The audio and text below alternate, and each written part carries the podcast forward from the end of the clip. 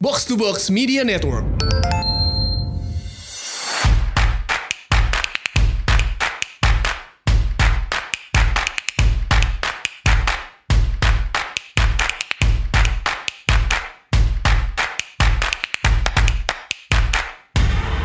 Oke, selamat datang di episode pertama podcast Asumsi.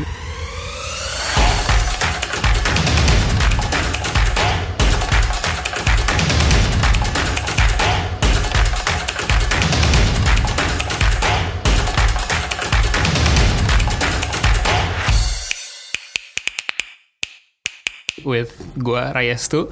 Um, perkenalin diri dulu, nama gue Rayestu. Mungkin gue cuman sekedar penikmat isu-isu masa kini aja ya, isu-isu terkini gitu. Dan kali ini um, kebetulan kita akan bahas tentang uh, yang terjadi di Cina, Cina atau Tiongkok ya bilangnya, Cina atau Tiongkok tentang um, kasusnya uh, apa ya camp-camp re-education uh, untuk di Xinjiang mus Muslim Uighur ya. Nah dan uh, gue nggak sendirian, gue akan ditemani oleh uh, Fatan Sembiring nih. Welcome Fatan di sini. Halo halo semuanya, halo bro. ya jadi uh, Fatan ini sempat jadi sekjen PPI Tiongkok. Iya di 2013 uh, sampai 2014. Iya dan sekarang juga masih masih aktif ya sebagai Iya, pembina ya di sana. Jadi Fatan nih ngerti banget lah ceritanya isu-isu itu dan kayak sempat uh, sering sering jadi apa ya sering jadi uh, reference point lah buat orang-orang bahas uh, isu ini. Jadi kan kemarin tuh sempat rame banget ya, sempat rame banget di Jakarta, sempat ada beberapa demo di kedubes Cina di Mega Kuningan itu sempat macet total gitu. Ada demo uh, karena waktu itu awalnya ada ada report yang bilang ada uh, detention orang-orang uh, Muslim di provinsi Xinjiang di Xinjiang Xinjiang bilangnya? Xinjiang. Xinjiang. Di Xinjiang di Cina itu um, ditangkepin terus um, mengalami perlakuan perlakuan yang nggak menyenangkan gitu kan ceritanya. Itu yang itu yang kita dengar tapi mungkin mulai dulu dari awal sih. Gue banyak orang juga yang nggak tahu sama sekali kan sebenarnya Iya benar. ada apa sih. Bahkan kayak Uighur itu siapa sih? Benar. Um, nggak nggak pernah dengar sama sekali. Mungkin lu bisa bantu kita orang yang awam ini mengerti gitu kayak apa sih sebenarnya yang terjadi Oke, eh, jadi ya halo semuanya. Jadi eh, gua Fathan Sembiring. Eh, Alhamdulillah dulu sempat eh, ambil D2 bahasa Mandarin di Peking University. Habis itu eh, S2 Bisnis Internasional di UIBE namanya di Beijing juga dan sempat kerja di salah satu perusahaan Cina di kota Tianjin selama satu tahun. Jadi total ya alhamdulillah gua di Cina lima tahun gitu ya. Tadi kalau misalkan Ray bilang eh, apa namanya reference point, iya mungkin, tapi bukan otoritatif board gitu ya. Jadi kalau hal-hal yang sudah memang eh, misalkan berkaitan dengan eh, diplomasi atau eh, kerjasama internasional ya eh, kalau gue pribadi sih mikirnya simple gitu. Maksudnya eh, kita punya negara nih gitu kan, kita punya konstitusi kita sendiri, mereka punya konstitusi mereka sendiri juga gitu dan kita punya orang-orang yang memang bertugas di situ ya kan eh, apa ada Kemenlu apa segala macam seperti itu. Nah mungkin otoritatif boardnya adalah eh, bapak dan ibu itu di sana. Cuman memang eh, apa eh, kita dari teman-teman lulusan Cina maupun orang-orang yang istilahnya ber akal sehat gitu ya kita sama Woi, sekali tenang dulu, tenang dulu, tidak- santai. tidak akan tidak akan eh, menerima gitu maksudnya kita juga tidak mendukung apa-apa yang terjadi kalaulah memang pelanggaran-pelanggaran HAM itu terjadi kayak gitu dalam artian eh, apa namanya eh, di Indonesia pun sendiri kita eh, punya asas praduga tak bersalah gitu jadi selama itu belum bisa dibuktikan secara hukum positif di sana maupun di kancah hukum internasional segala macamnya itu marilah kita eh, tidak terburu-buru dan berhati-hati kayak gitu Oke oke, tapi sebelum kita sampai ke apa yang terjadi gitu, mungkin lu bisa ceritain sih sebenarnya eh, suku Uighur tuh apa sih? Suku di mana? eh, apa? eh, berapa banyak sih orangnya kayak em, mereka minoritas Muslim di Cina atau atau atau gimana tuh? Iya sebenarnya kalau Uighur yang disebut dengan Uighur itu kan suku ya. Jadi kalau misalkan suku ya berarti dia ada di mana-mana sebenarnya bahkan di seluruh dunia.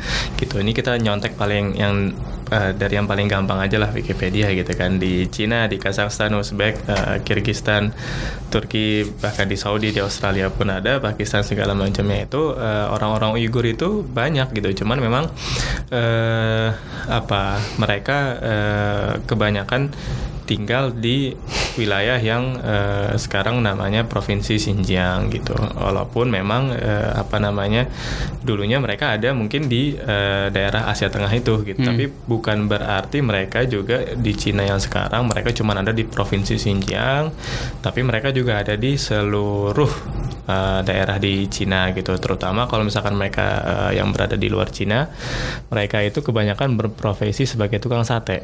Oh gitu. Atau misalkan yang uh, punya restoran-restoran halal yang enak-enak. Oh gitu. Uh, restoran-restoran Uyghur ya? Ya ada nggak di Indonesia nggak ada ya? Di Indonesia belum kalau Uyghur ya. Uyghur belum ya? kalau Lanjo udah masuk kalau Lanjo oke okay, oke. Okay.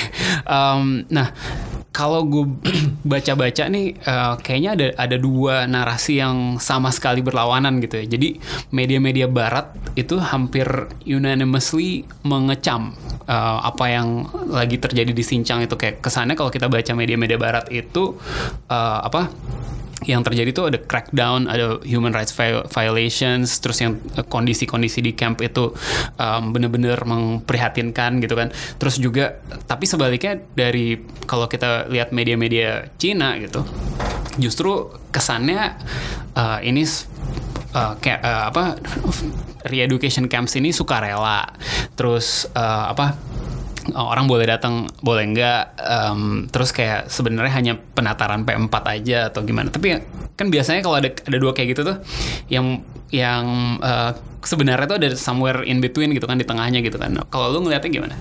Ya, ke kalau gue pribadi ngeliatnya sebagai lulusan dari Cina juga dan alhamdulillah pernah tinggal selama lima tahun beraktivitas dengan orang-orang di sana ya gue pikir ini memang uh, tergantung dari media apa yang kita baca dan apa namanya setiap media itu punya interestnya masing-masing, punya uh, apa kepentingannya masing-masing dalam artian gini gimana? Uh, contohnya ketika baru-baru uh, ini gitu kan Donald Trump dengan sangat apa namanya ambisiusnya gitu kan ingin membuat Cina bertekuk lutut gitu. Tapi itu nggak bisa juga gitu dengan apa namanya perang dagangnya. Terbukti misalkan eh, persis bulan lalu gitu ya tanggal 9 sampai tanggal 11 eh, apa namanya Desember itu Cina dia mengadakan eh, jadi ada namanya exhibition atau apa namanya pameran barang-barang impor pertama di Cina gitu. Hmm. Jadi Cinanya yang mau beli gitu. Biasanya kan dia kalau misalnya dia yang ekspor ke mana-mana. Dia yang bikin apa namanya pameran ekspor untuk orang-orang lain dari negara lain beli. Nah tapi ini mereka yang mengadakan itu untuk apa? Untuk mela, uh, apa namanya menghadirkan barang-barang substitutif barang-barang Amerika kayak gitu. Dan hmm. ini kan sangat menohok ya gitu. Nah ini kan eh, hal-hal uh, yang selain kayak misalkan apa tarif uh, dinaikkan, habis itu sama uh, sama Xi Jinping juga lomba-lomba mereka untuk menaikkan tarif tarif tapi akhirnya juga uh, apa uh, kedelai dari Amerika juga boleh masuk juga dan jagung juga boleh masuk. Nah dalam artian gimana? Ini ada hal-hal lain yang memang uh, sedang terjadi nih gitu dari uh, apa namanya konstelasi lah konstelasi dan hegemoni di uh, dunia ini kayak gitu. Nah menurut lu hubungannya apa ya? Hmm. Tapi maksud gue kayak ada pameran-pameran impor segala macam itu hubungannya apa sama tadi uh, re-education camps yang lagi ada di Uyghur segala itu? Iya sebenarnya kalau misalkan uh, apa kalau kita spesifik spesifik ngomongin uh, Uighur dan provinsi Xinjiang, hal-hal yang berhubungan dengan uh, apa namanya mengatasi konflik itu sudah dari dulu sebenarnya. Karena dari kalau misalkan kita lihat waktu itu ada di historypedia.com segala macam, saya uh, gue coba untuk uh, merangkai timeline itu. Jadi jadi jadi dari ratusan tahun sebelum Masehi pun sudah ada konflik di situ di hmm. daerah Xinjiang itu. Nah maksudnya adalah apa? Untuk masalah-masalah uh, konflik sebenarnya uh, Eh, sudah lama gitu. Mungkin fasilitas-fasilitas uh, reedukasi itu juga sudah lama, cuman ini kan mencuat kayak hmm. gitu. Kalau kata uh, kolega gue yang apa namanya juga dosen HIUI itu 90% kabar-kabar mengenai Uighur ini ada di Indonesia Oh gitu. Itu 90 persen, 5 persen di Malaysia, kalau nggak salah 3 persen di apa namanya di Mesir. Gitu dalam artian ini per, uh, apa namanya uh, pergumulan bahasannya kayak gitu. Karena apa? Karena negara-negara Muslim yang lain pun juga nggak mau sok tahu sebenarnya kayak gitu. Hmm. Bukan dalam artian mereka setuju, tidak sama sekali tidak. Itu kan hal yang berbeda ya. Setuju, abstain atau misalkan mendukung itu sangat sangat berbeda. Dan ini pun kita uh, dalam artian pemerintah Indonesia juga bukan dalam artian setuju gitu. Hmm. Nah kalau kalau pemerintah kita sekarang udah respon atau enggak sih? Atau masih kayak belum ya Ma- Iya, belum masih wait and see eh, kali ya? Kalau Bu Menlu, kalau misalkan dari yang gue lihat, eh, beliau sudah coba untuk melakukan panggilan-panggilan ya, ke, apa namanya, eh, Ke dubes ya, ke dubesnya dipanggil apa ya. namanya dubes eh, Xiao Qian eh, untuk apa namanya memberikan penjelasan-penjelasan. Cuman memang hal ini juga perlu dilihat efektivitasnya seperti apa, karena toh memang beberapa hari yang lalu, misalkan CNN sudah naik, eh, jadi ada namanya eh, band eh, Cledmon atau Glenn uh, Cledermon gitu. Jadi dia wartawan Reuters yang dia sudah di- diundang juga ke re-education camps itu dan dubes-dubes dari negara-negara muslim kecuali Turki. Nah ini nggak tahu juga nih kenapa Turki tidak diundang Oke. gitu kan untuk mengunjungi salah satu uh, fasilitas tersebut kayak gitu dan Oke. di situ diperlihatkan apa namanya kalau memang eh, yang di dalam itu dilakukan training vokasi pekerjaan dan bahasa Mandarin kayak gitu Tapi itu wajib nggak ya? Nah sebenarnya kalau misalkan bilang wajib atau enggaknya ya kurang tahu juga ya Oke. gitu. Ibaratnya uh, wallahu alam lah gitu karena dalam Karena kan kesannya kayak di, di dipaksa gitu kan semua Iya, orang pada dipaksa datang gitu. Apa enggak ya? pemaksaan itu juga ya ibaratnya sesuatu yang apa namanya eh, terjadi mungkin ya gitu. Tapi bukan bukan berarti kita mendukung juga enggak dalam artian eh, kita juga harus lihat lihat dulu yang dipaksa itu siapa gitu. Kalau misalkan yang dipaksa itu adalah memang benar dia pernah eh, istilahnya katakanlah yang dulu kasus Islamic State itu dan dia pernah menjadi eh, salah satu pendukung ataupun bahkan eh, militan jihadisnya ya kita serahkan saja kepada hukum yang berlaku di negara Cina yang sebesar itu gitu dalam artian oke kita coba lihat dulu nih ini siapa nih yang eh, yang yang sedang dipaksa tanda kutip seperti itu Nah, uh, soalnya ada ada satu uh, berita yang gue baca dari Al Jazeera ya. Itu uh, bilangnya 1 million Muslim Uyghurs held in secret China camps UN panel. Jadi yang dari uh, yang dari PBB itu bilangnya udah sejuta orang nih yang di yang di ditahan um, dan gak suka rela gitu katanya bilangnya. Jadi uh, masa sih hanya yang hanya yang terindikasi uh, terorisme atau separatisme aja gitu atau atau sebenarnya jangan-jangan ada sesuatu yang lebih sistematis nih. Menurut lu gimana? Iya, jadi eh, balik lagi sih sebenarnya. Jadi tadi wallahu alam karena apa? karena ya kita jangan istilahnya jangan langsung mengambil kesimpulan kalaulah eh, itu berdasarkan dari baik itu Al Jazeera maupun bukan Al Jazeera atau misalkan kebanyakan media-media yang diliput adalah radio eh, Free Asia gitu yang jelas-jelas eh, dia berbasis di Amerika dan segala macam ya karena semua media punya interest. Dalam artian apa? Dalam artian ya oke gitu karena sekarang pemerintah Cina juga sudah toh sudah membuka gitu kalau misalkan eh, apa namanya task force-nya eh, PBB katakanlah seperti itu untuk eh, bisa Untuk katakanlah datang ya, sendiri quote and quote mengaudit gitu datang Ah. sendiri seperti apa kayak gitu. Nah mungkin sampai hal itu eh, terjadi gitu kan barulah kita bisa eh, mengambil apa ya kesimpulan-kesimpulan gitu. Karena benar-benar kalau misalkan sekarang ini masih terlalu dini gitu masih terlalu dini untuk mengambil kesimpulan. Karena apa? Ya karena eh, apa ya ya kalau misalkan dari dari dari perspektif kedaulatan eh, negara segala macamnya yaitu eh, bisa dibilang itu adalah eh, otoritas eh, pemerintah Cina juga untuk melakukan apa pun gitu yang ada di negara mereka. Ya tapi kan kita juga di eh, apa kita juga per- juga nggak apa-apa dong kalau misalnya kita melihat um, kayaknya ada injustice nih yang lagi terjadi gitu kan Eh, untuk kita pengen kita juga ikut andil untuk memastikan itu nggak terjadi atau untuk kayak gimana ya untuk kalau misalnya ada yang harus dikecam ya kita ikut mengecam gitu kalau misalnya kayak di di kita tahu di daerah lain ada ada injustice yang terjadi misalnya di Myanmar atau di di um, mana lah di seluruh dunia kita harusnya boleh-boleh aja dong untuk kayak kalau menurut gue ya menurut gue harusnya kita kayak boleh-boleh aja dong untuk kayak mengutarakan gitu ke tidak nyamanan kita atau ke perasaan kita tentang apa yang terjadi gitu. Ya nggak sih? Kalau Iya benar. Kalau misalkan ketidaknyamanan iya. Cuman kita kan melihat lagi eh, apa efektivitas dari apa yang kita lakukan itu kan gitu. Karena kalau misalkan eh, ya kedutaan Cina yang di demo gitu kan dan tidak ada perwakilan yang diizinkan masuk gitu kan itu justru merupakan apa namanya hal yang tidak efektif gitu. Toh misalkan dubes yang sekarang Xiao Qian ini dia juga proaktif untuk eh, menjangkau misalkan NU Muhammadiyah gitu maupun ormas ormas ormas Islam lainnya gitu kan. Yang kemarin beliau juga beberapa hari yang lalu juga barusan dari Masjid Agung Jawa Tengah kayak gitu. Ini bukan dalam artian dianya pengen apa namanya eh, membenarkan gitu apa yang pemerintahnya sedang lakukan. Bukan justru dia sedang berupaya kan untuk menjemput bola. Kayak gitu. Bahwasanya eh, apa namanya ini ada komunitas komunitas muslim yang berpengaruh gitu kan di berbagai macam daerah misalkan. Ya walaupun mungkin masih banyaknya di Jawa kayak gitu, seperti itu. Cuman eh, apa kalau dari teman-teman yang udah berdiskusi dengan eh, Dubes Xiaoqian ini ya memang apa ya banyak hal-hal yang eh, justru dengan begitu didapat gitu kan. Kalau misalnya memang terjadi ketidakadilan injustice harus kita eh, lawan gitu harus kita dong. harus kita apa namanya kecam gitu. Tapi balik lagi gitu itu efektivitasnya sampai sampai mana? Kan seperti itu.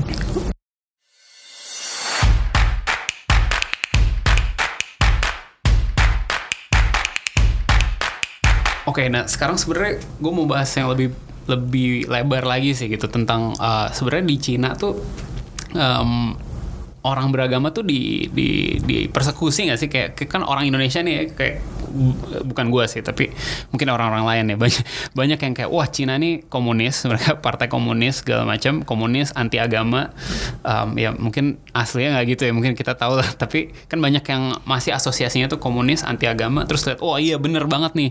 Di Cina jelas banget em, apa Muslim dipersekusi. Mungkin waktu itu juga ada berita gereja gereja juga ada beberapa yang ditutup segala macam. Jadi kayak bener nggak sih? Kan lu yang pernah di Cina gue kan nggak pernah ya. Em, apa ada nggak sih arah ke situ sih kalau menurut lu kalau gue nggak tahu nih. Banyak yang bertanya-tanya soalnya. Iya, jadi kalau misalkan eh, apa teman-teman juga eh, baca sejarah Cina gitu, eh, tolong dan gue pribadi mohon gitu ya jangan jangan membaca sejarah Cina itu dari 1949 ke atas gitu, tapi coba baca sejarah Cina juga lah eh, dari dulunya gitu, dari zaman-zaman kerajaan seperti apa sih mereka? kenapa tuh Iya Kenapa? karena Oh, ada apa tuh 49 Eh, kenapa Enggak, maksudnya itu kan pas 1949 itu kan di mana berdirinya RRT kan ya Ah. gitu. Nah, cuman kan sebelumnya 1911 sampai 1948 itu kan ada namanya Republic of China gitu yang Sekarang di Taiwan itu ya? mereka demokratis kayak gitu. Dalam artian ini memang eh, apa fenomena gitu, fenomena yang tidak sederhana kalau misalkan kita sedang ngomongin eh, Cina. Kalau misalkan eh, mengenai gereja, gue terus terang gue nggak berani berkomentar gitu kan karena eh, ya gue kurang mendalami soal eh, per- pergerejaan atau misalkan perlakuan apa namanya pemerintah Cina terhadap eh, teman-teman yang Nasrani kayak gitu. Cuman maksudnya adalah Islam itu sudah masuk ke Cina dari tahun 651 gitu. Di eh, zamannya atau eranya dinasti Tang. Oke. kayak gitu. Dalam artian gini aja deh gitu. Kalau misalkan dinasti Tang itu nggak suka sama agama nggak suka sama hal-hal yang berbau agama itu kan bisa-bisa aja dilarang. Saat saat bin Abi Waqqas yang dulunya memang eh, apa eh, utusan dari Rasulullah SAW itu ya kan bisa-bisa aja mereka kabilahnya dibunuhin Hmm. di jalan. Tapi kan ini tidak terjadi kayak gitu. Karena memang ya toh eh, apa saat bin Abi Waqqas dan kawan-kawan itu em, apa namanya ke Cina itu dalam eh, rangka misi dagang tapi memang ada quote and quote berdakwahnya seperti itu tapi kan eh, dalam artian ya kalau misalkan kita lihat zaman dahulu ya seperti itu masuknya sampai sekarang di Guangzhou itu ada makamnya saat bin Abi Waqqas gitu kan tertata rapi apa segala macam ada dan masalah tuh sampai itu sekarang nggak ada masalah ada gitu. masalah. Bahkan masjid pertama di eh, kota namanya Xi'an, teman-teman silakan yang punya waktu luang, punya apa namanya kesempatan karena kan tiket domestik Makanannya enak ya tuh tiket-tiket Xi'an, domestik dengar-dengar. lagi pada mahal nih ya udah ke, Ke Cina, Cina aja, aja. gitu kayak sama aja gitu ke, ke kota Xi'an itu. makanannya enak yang gue dengar tuh. Makanannya enak banget satunya gitu. Tapi di situ di kota Xi'an itu ada satu masjid yang itu tuh dihadiahkan tanda kutip gitu Hmm. kan untuk apa namanya untuk eh, delegasi muslim gitu Heeh. kan. Yang sampai sekarang masjidnya itu masih ada gitu dan itu luas banget masjidnya kayak Oh, gitu, gitu. kan. Maksudnya dalam artian apa? Ini kita juga mesti lihat dulu ini masalah politik kah, masalah anti agama kah atau masalah ya masalah-masalah lain yang sederhananya kita belum berkompetensi Belum betul untuk mengarah ke situ gitu kan. Karena kan emang ya namanya juga um, era sosmed gitu kan kayak Iya. ada clickbait clickbait berita apa Clickbait kita langsung apalagi. percaya gitu kan. Betul. Oke. Cuman kalau dari gue pribadi juga, kalau misalkan melihat Cina itu kita harus paham gitu bahwa Cina itu bukan ori- bukan Indonesia. Karena gini, kebanyakan Apa orang- bedanya? Kebanyakan iya maksudnya adalah kebanyakan kita mungkin apalagi yang kurang jalan, kurang keluar negeri misalkan ya, itu tuh membandingkan praktek-praktek beragama Hmm. Kita di Indonesia yang serba nyaman ini di mana-mana ada musola misalkan gereja juga ada pura apa segala macam wihara segala macam gitu kan itu tuh membandingkan keluar gitu. Dalam artian ini tidak fair untuk bersikap seperti itu pun kayak gitu. Karena apa ya? Karena kita memiliki kenyamanan-kenyamanan kita di sini alhamdulillah gitu kan puji Tuhan sangat enak segala macam semuanya bebas merdeka gitu kan. Tapi kalau misalkan kita melihat negara lain ya bukan cuma Cina doang yang seperti itu gitu kan. Ada Rwanda waktu itu ada apa waktu itu ada negara-negara apa waktu itu? Belgia. Sekarang dia sedang apa namanya misalkan melarang eh, daging halal dan kosher gitu kan. Oke. itu itu nggak ada yang demo misalkan ya contoh aja. Dalam artian apa? Itu juga mesti Belum ada aja beritanya kali di sini. Kalau ada beritanya mungkin di Sebenarnya udah ada sih, maksudnya CNN Indonesia cuman ya nggak Belum tahu. di-blow up Ah, lah belum ya. di blow up gitu, mungkin kurang seksi. Tapi Apa- pengalaman lu menjadi maksud gue kan ya gue nggak tahu nih kalau di selama lu di sana nggak nggak pernah mengalami apa persekusi atau diliatin orang kayak kenapa nih orang atau apa nggak ada ya Ya karena kalau misalkan kita sebagai aja. ya kita kita sebagai muslim kan yang paling mencolok kan dari apa yang kita kenakan gitu. Mungkin yang apa eh, sering eh, cerita itu mungkin teman-teman yang perempuan gitu. Tapi Hmm. itu pun ceritanya mereka cuman diliatin aja gitu. Karena emang dia kan pakai kerudung, jilbabnya panjang, habis itu apa namanya pakai rok panjang segala macam. Tapi kalau misalkan pakai cadar, pakai cadar memang mohon maaf itu tidak boleh. Oh, nggak boleh gitu. dalam sana. dalam artian ya eh, kita turuti saja lah gitu. Dalam artian cadar itu pun sendiri banyak al- apa ahli-ahli tafsir ahli-ahli hadis segala macam juga tidak mempermasalahkan maksudnya tidak harus tidak mewajibkan menggunakan cadar misalkan ya. Tapi dalam artian begini lah. ikutan bahas ke situ ya. Iya itu itu juga bahasa lain. Tapi dalam artian begini, Cina itu negara sekuler, sekuler yang sangat sempurna gitu bisa dibilang seperti Sempurna itu. gimana? Iya dalam dalam artian dalam artian dia dia tidak dia tidak meletakkan apa namanya ranah-ranah pribadi gitu kan, which is eh, misalkan agama, eh, apa hobi, misalkan kesukaan atau Ah. misalkan hal-hal yang bersifatnya pribadi itu kepercayaan itu di ruang-ruang publik gitu. Tapi kan bukan berarti di Cina nggak ada masjid. Di Beijing ada di Beijing aja ada 34 masjid misalkan dan itu tetap di situ. Nah, habis itu yang kedua itu tadi yang pertama Cina itu negara sekuler. Yang kedua Cina itu eh, ya negara sosialis yang mana tanah itu punya pemerintah. oke Kayak gitu. Tanah itu punya pemerintah dan itu harus dipahami betul dalam artian itu itu memang negaranya mereka. Terus solusi- solusinya gimana ya? Solusinya ya mungkin balik lagi ke zaman peperangan misalkan medieval gitu. Kalau misalkan mau misalkan peraturan itu untuk eh, tercabut gitu. Tapi kita lagi nggak bahas itu. Nah, ini ini Kejauhan, kejauhan, Iya, bro. kejauhan dalam artian ya hal-hal yang berkaitan dengan tanah gitu kan kepemilikan tanah ya misalkan ada masjid yang direlokasi, masjid yang dipindahkan. Ya. Tanah-tanahnya dia ya? iya itu itu itu kan itu kan citra dari apa namanya citra dari pemerintahnya kan memang seperti itu. Musola musola memang tidak ada tapi kalau misalkan di apa namanya di kampus-kampus itu eh, jadi kampus yang ada mahasiswa asingnya itu pasti ada restoran halal. Terus sholatnya gimana? Nah sholatnya kalau misalkan mahasiswa asing itu kan biasanya dapat beasiswa. Kalau dapat beasiswa itu biasanya kita ya sholat aja di asrama. Oke. Ya kan? Kalau misalkan eh, bilang atau misalkan teman-teman ada yang baca, iya apa namanya di Cina susah banget sholat karena sholatnya harus ke asrama lah. Apa apa masalahnya kayak gitu. Eh, lu di mana juga gitu kan kalau di Amrik gitu, Iya, lu kalau di luar juga- negeri kan semuanya di situ. Karena apa? Karena kita tuh masih membandingkan praktek-praktek beragama kita di Indonesia yang sangat nyaman Mudah. ini gitu kan, nggak ada salju, nggak ada apa gitu, nggak ada panas gitu kan. Itu di negara lain dan itu nggak fair. Oke, by the way, setahu gue juga em, suku Uighur itu bukan satu-satunya suku yang Muslim di Cina kan ya. Ada ada suku Hui ya kalau nggak salah. Betul. Jadi em, dan mereka nggak nggak pernah dipersekusi atau mereka pernah dipersekusi juga. Yang kalau setahu gue yang yang per- yang rame itu hanya suku Uighur. Nah, itu kayak kenapa tuh ya? Kayak apa suku Hui itu em, pemerintah Cinanya baik-baik aja sama mereka atau mereka gimana? Iya persis. Jadi eh, ini harus dilihat juga dari sejarahnya kenapa? Karena dulu itu eh, dinasti Qing sebelum eh, dinasti Qing itu juga runtuh gitu kan, atau misalkan sebelum lah yang eh, apa namanya ada pemberontakan eh, dipimpin oleh Yakub Bek. Jadi Yakub Bek ini adalah seorang Tajik gitu kan, seorang Tajik yang katanya juga Syiah kayak gitu, yang Oke. dia pun eh, juga meng- eh, mencari dukungan dari eh, kekaisaran Rusia pada waktu itu gitu kan dan meminta bantuan juga dari Inggris Oke. Britania Raya yang waktu itu juga sedang menjajah India kayak gitu untuk apa untuk melawan dinasti Qing tapi dinasti Qing di pusing nih. Iya, dinasti Qing itu dibantu oleh eh, apa namanya jenderal-jenderalnya juga yang muslim dari suku Hui yang Oh. kebanyakan juga dari Xi'an atau daerah-daerah timur di Cina kayak gitu. Cuman memang Yakubek ini zaman dulu dia membawa peperangan ini kepada peperangan suci kayak gitu. Padahal ya itu kan interest politiknya dia gitu. Toh dia meminta meminta imper, negara imperialis juga kok untuk menduduki wilayah yang sekarang disebut Xinjiang dulu namanya bukan Xinjiang. Oke. Kayak gitu. Sehingga maksudnya dalam artian ya ya kita berkaca dari sejarah aja gitu. Kalau misalkan apa namanya eh, bukan bukan dalam artian perlakuan yang tidak fair tapi juga memposisikan dirinya itu sebagai oh ya gue suku Hui, oh ya gue suku Han, oh ya gue suku Uighur gitu itu apakah pro dengan pemerintah gitu kan sejak zaman dulu atau tidak? Kayak gitu terlepas dari negaranya seperti apa apakah itu kerajaan apakah itu eh, monarki absolut apa monarki simbol segala macam. Tapi kan itu mesti dilihat juga dong dari masyarakatnya. Hmm. masyarakatnya ini dia secara turun temurun seperti apa sih gitu. Kalau orang Hui orang Han orang-orang apa namanya dari 56 suku yang lain di Cina itu ya tinggal dilihat saja sejarahnya seperti apa sehingga itu akan mencerminkan. Karena sejarah berulang gitu ya kan.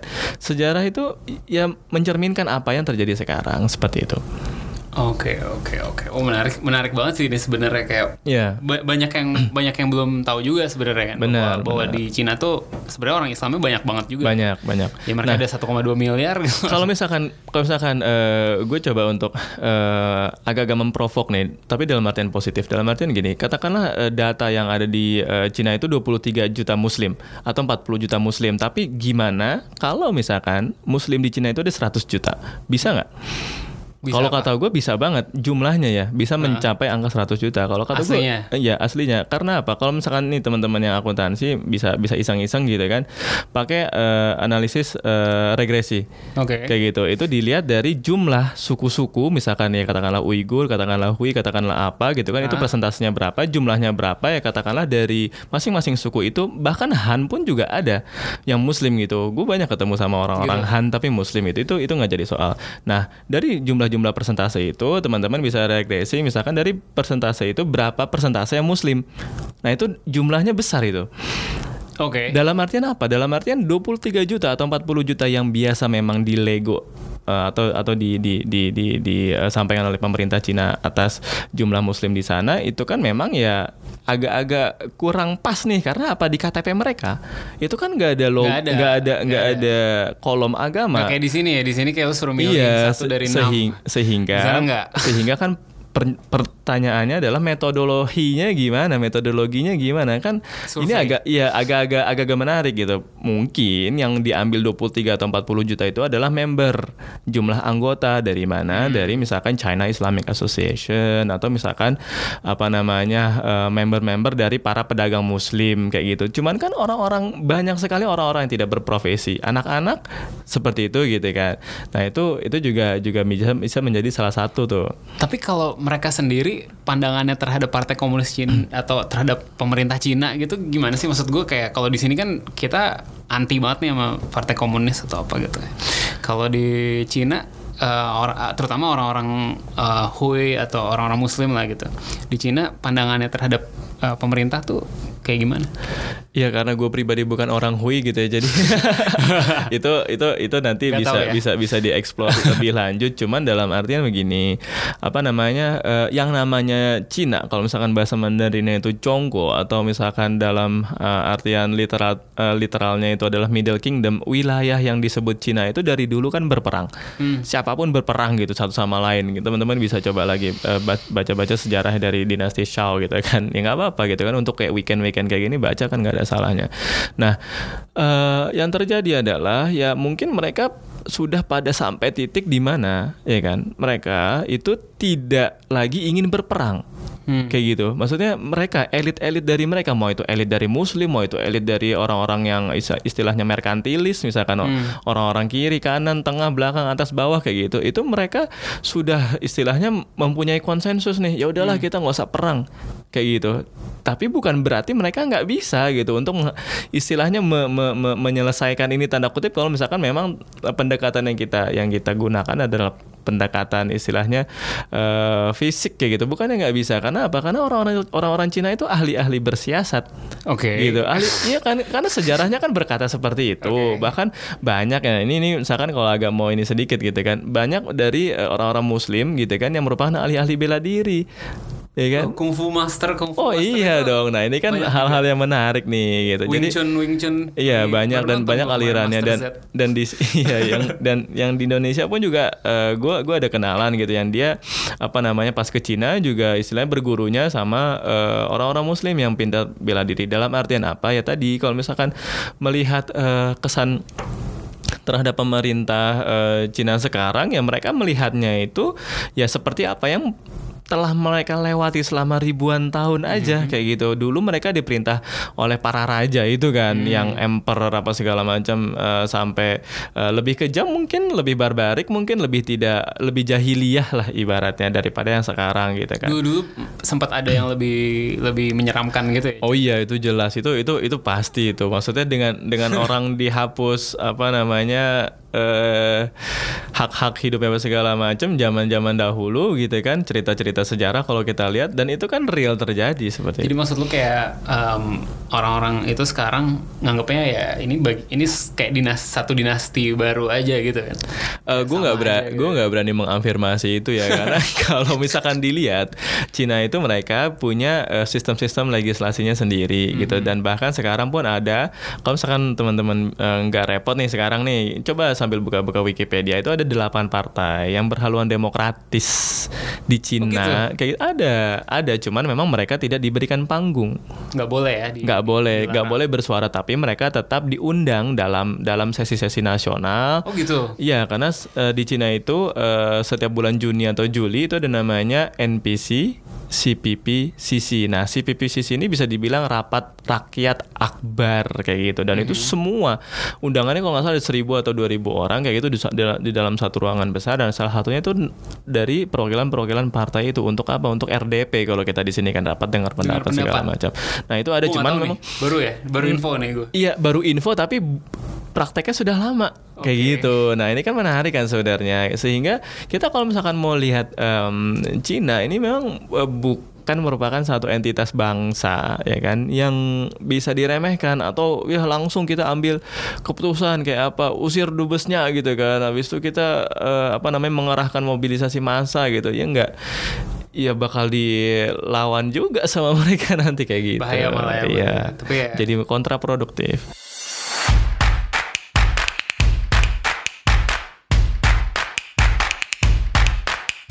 Nah bro, jadi nyikapinnya gimana ya kalau eh, ada isu-isu kayak kayak gini gitu kan kadang-kadang kita nggak tahu sebenarnya mau mau mau mengacu ke mana nih kayak kita mau me- kalau banyak pasti yang merasa kayak isu tentang Cina ini menarik gitu.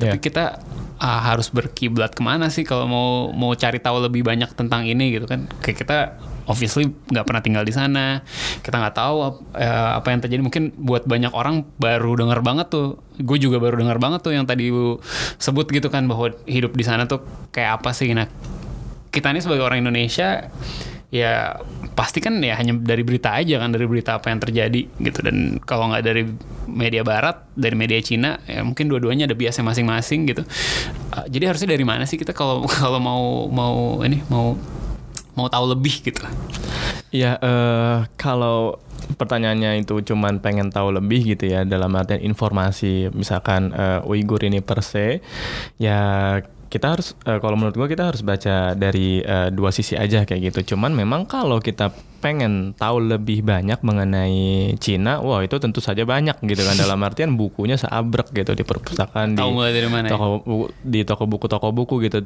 Da- tapi dalam artian begini, kita harus coba melihat eh, ibaratnya Cina, Tiongkok, China ini men- eh, apa namanya ke dalam satu bahasan yang kronologis gitu. Jadi ada kronologinya gitu. Jadi jangan langsung masuk ke kasus. Nanti ada kasus apa lagi, habis itu besar lagi Jadi gitu kan. Framework kasus lagi. berpikirnya harus nggak bisa nggak bisa per kasus per kasus gitu. Iya, nggak bisa kasus per kasus gitu. Mm-mm. Cina ya secara keseluruhan dulu. Tapi kan mana ada waktu kita ke sana tuh. ya ya itu dia kalau misalkan eh, apa namanya eh, ingin mengetahui gitu kan dan ingin membuat kita itu ya orang Indonesia kan istilahnya dikenal dengan bebas aktif kayak gitu dalam Yes. artian kita tidak memihak dalam artian kita dari dulu juga non blok gitu justru itulah yang menjadi kekuatan kita sebagai orang Indonesia kayak gitu sehingga kita ya kalau misalkan bahasa Arab kan berarti wasotiyah gitu dari pertengahan nih gitu jangan jangan terlalu eh, apa namanya memihak di eh, di antara salah satu pihak kayak gitu.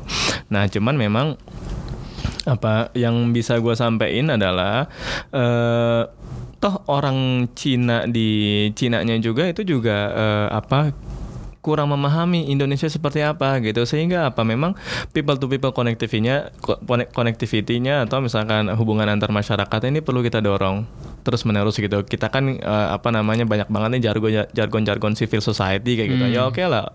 Mari kita lakukan hal-hal yang memang eh, secara civil society kita gitu kan yang bisa kita lakukan untuk apa? Mendorong hubungan antar masyarakat gitu kan. Karena apa? Karena misalkan orang Cina itu di Cina nggak tahu kalau misalkan eh, Bali itu di Indonesia Bali itu adalah Indonesia gitu Mereka, mereka mereka banyak banget ke Bali tuh. Iya mereka taunya Bali Bali Bali Bali gitu kan tapi Ah. mereka nggak tahu kalau itu Indonesia kayak gitu mereka baru tahu kalau misalkan dijelaskan itu nggak cuma Cina gitu. sih.